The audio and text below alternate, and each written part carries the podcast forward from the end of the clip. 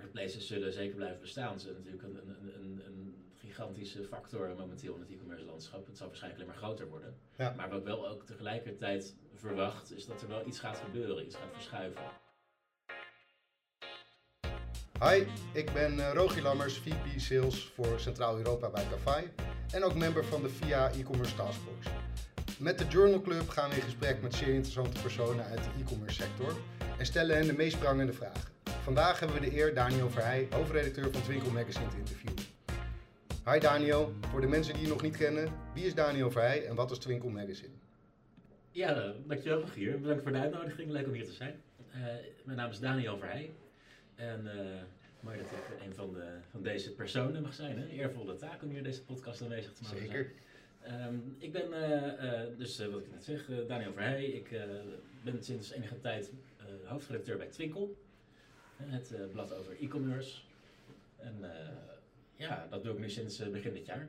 Hiervoor enige tijd een andere, ander blad gewerkt, ook als hoofdredacteur. Ja. Nu dus deze mooie nieuwe uitdaging. Hey, en en wat, wat doet Twinkel Magazine precies? Twinkel Magazine, ehm, dat is natuurlijk het blad over e-commerce, vakblad. Um, wij zijn in 2005 begonnen de mensen zullen ons met name kennen van de website twinkelmagazine.nl. Uh, daarnaast hebben we nieuwsbrieven, zes per week, dus vijf dagelijks en één aan het eind van de week wekelijkse. Uh, en natuurlijk het blad, die tien keer per jaar uitkomt. En waarin we dus alles schrijven over nou ja, alles wat met online verkopen te maken heeft. Dus online retail, trends die we zien. spreken met bekende figuren uit de markt, kenners, ja, van alles wat je maar kan bedenken eigenlijk. Leuk. Ten slotte trouwens is natuurlijk nog een bekend iets waar, mensen ons uh, Twinkel mee, associëren, is de Twinkel 100. Ja. Dat is natuurlijk een, een belangrijk product. Elk jaar de, de, de toplijst, de ranking met de, de, de grootste online verkopers in ons land. Precies, ja, dat is ook uh, een, een van de onderwerpen die, die voorbij komt uh, bij, bij ons in de taskforce als uh, de Twinkel 100 weer uitgegeven wordt. Ehm, over de Twinkel 100. wat zijn eigenlijk de grootste verschuivingen vergeleken met vorig jaar in die top 100? Ja, uh, nou ja, verschuivingen zijn natuurlijk altijd leuk om te zien en, en uh, waar je op hoopt hè, bij het samenstellen van zo'n lijst. Um, die wil natuurlijk kunnen zeggen van uh, een nieuwe nummer 1 of een nieuwe nummer 3. dat, dat, dat vind ik al wel grappig te zien, dat het, de Nederlandse consument is redelijk merkvast.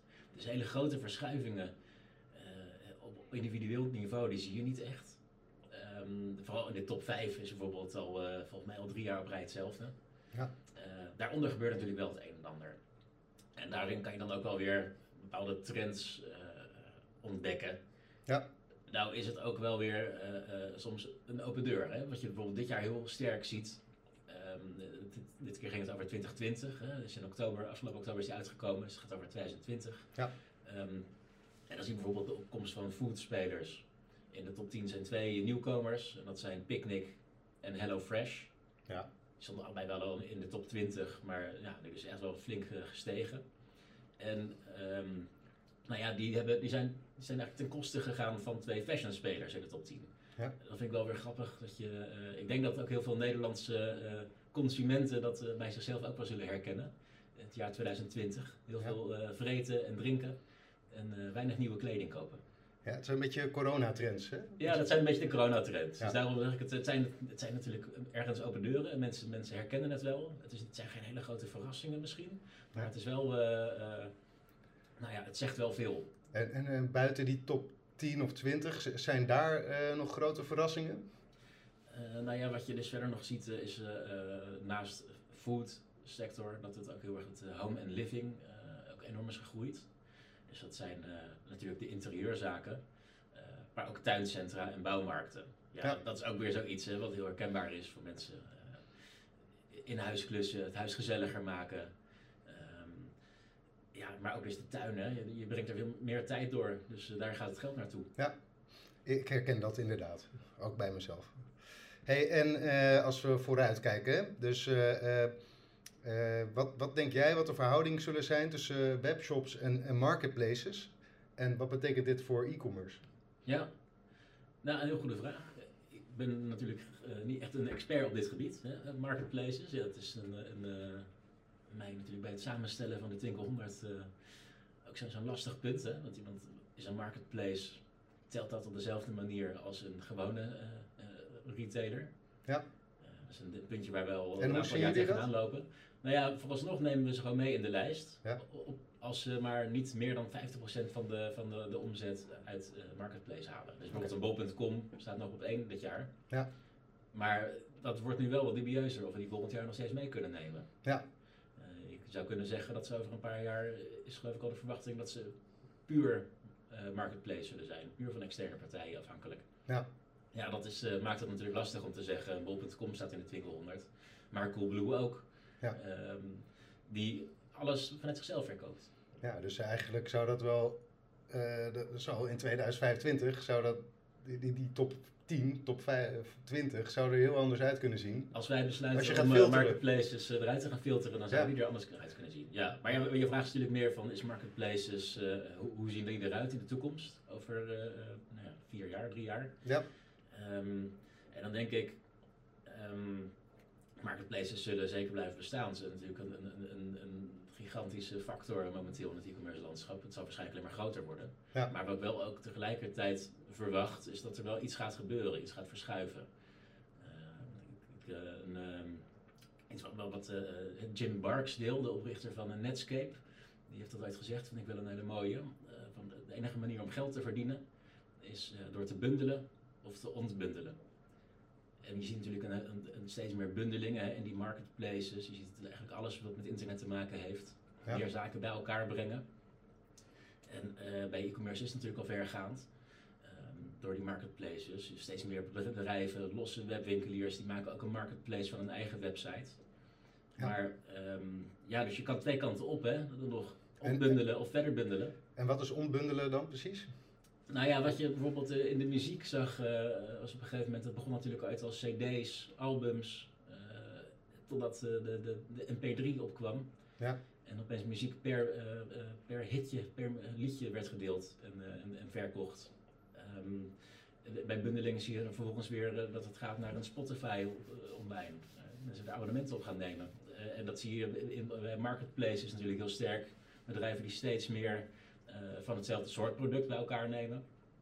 Eh Mediamarkt bijvoorbeeld is ermee bezig. Hè. Die willen nu ook eh, eh, hun website tot een marketplace gaan maken. Ja. Waar ook externe verkopers op kunnen.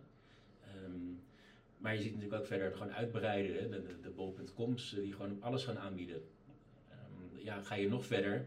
En dat is vind ik wel een interessante trend nu. Eh, die, die, die app van Klarna.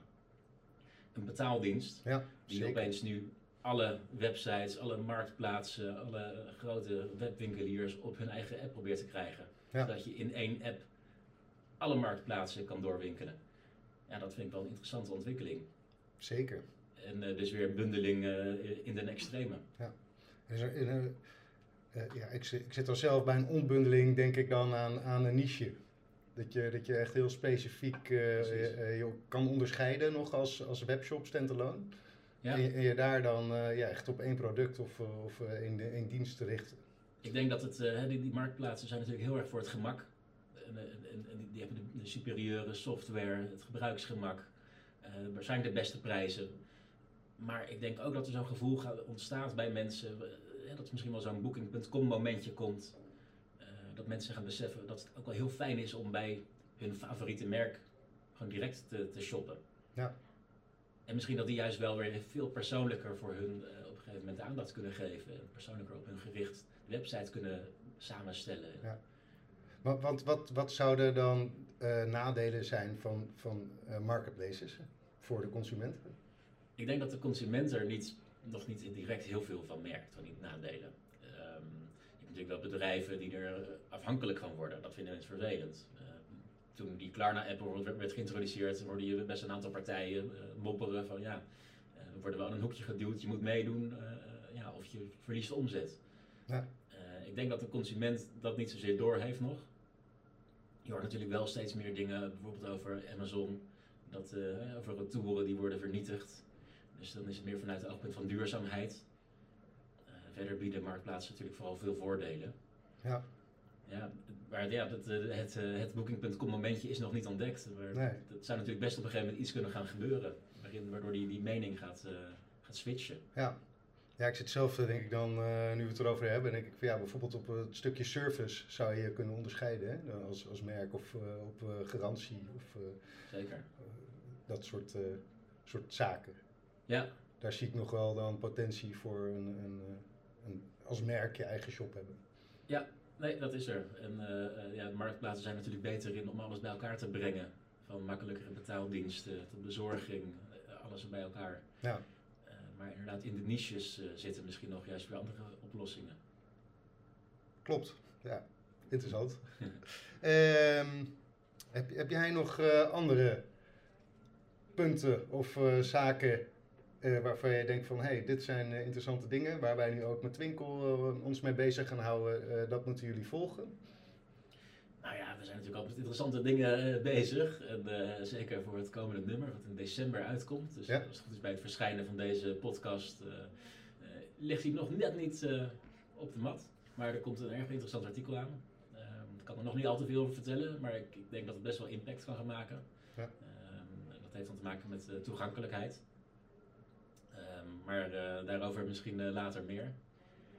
Ja, blijf het in de gaten houden. Dus ik ben hier natuurlijk nu een, een, een zeven maanden, als je me net, als je ja. net zelf opgezocht op mijn LinkedIn pagina. Ja, ja. Dus het, ja, er komt nog veel moois aan. Leuk. Heeft veel leuke artikelen maken. Nou, ik ga het zeker volgen. Ik denk de luisteraars ook. En ik wil jou heel erg danken voor dit leuke gesprek. En uh, ook nog heel veel succes wensen in, deze relatief uh, nieuwe rol nog uh, voor jou. En ehm, aan de luisteraars, vond je dit leuk? er komt nog veel meer. in de volgende aflevering interviewen we bijvoorbeeld Ernst van Niekerk. Dat is de CEO en co-founder van Payout. Hou de website en de social kanalen van VIA in de gaten. Dankjewel.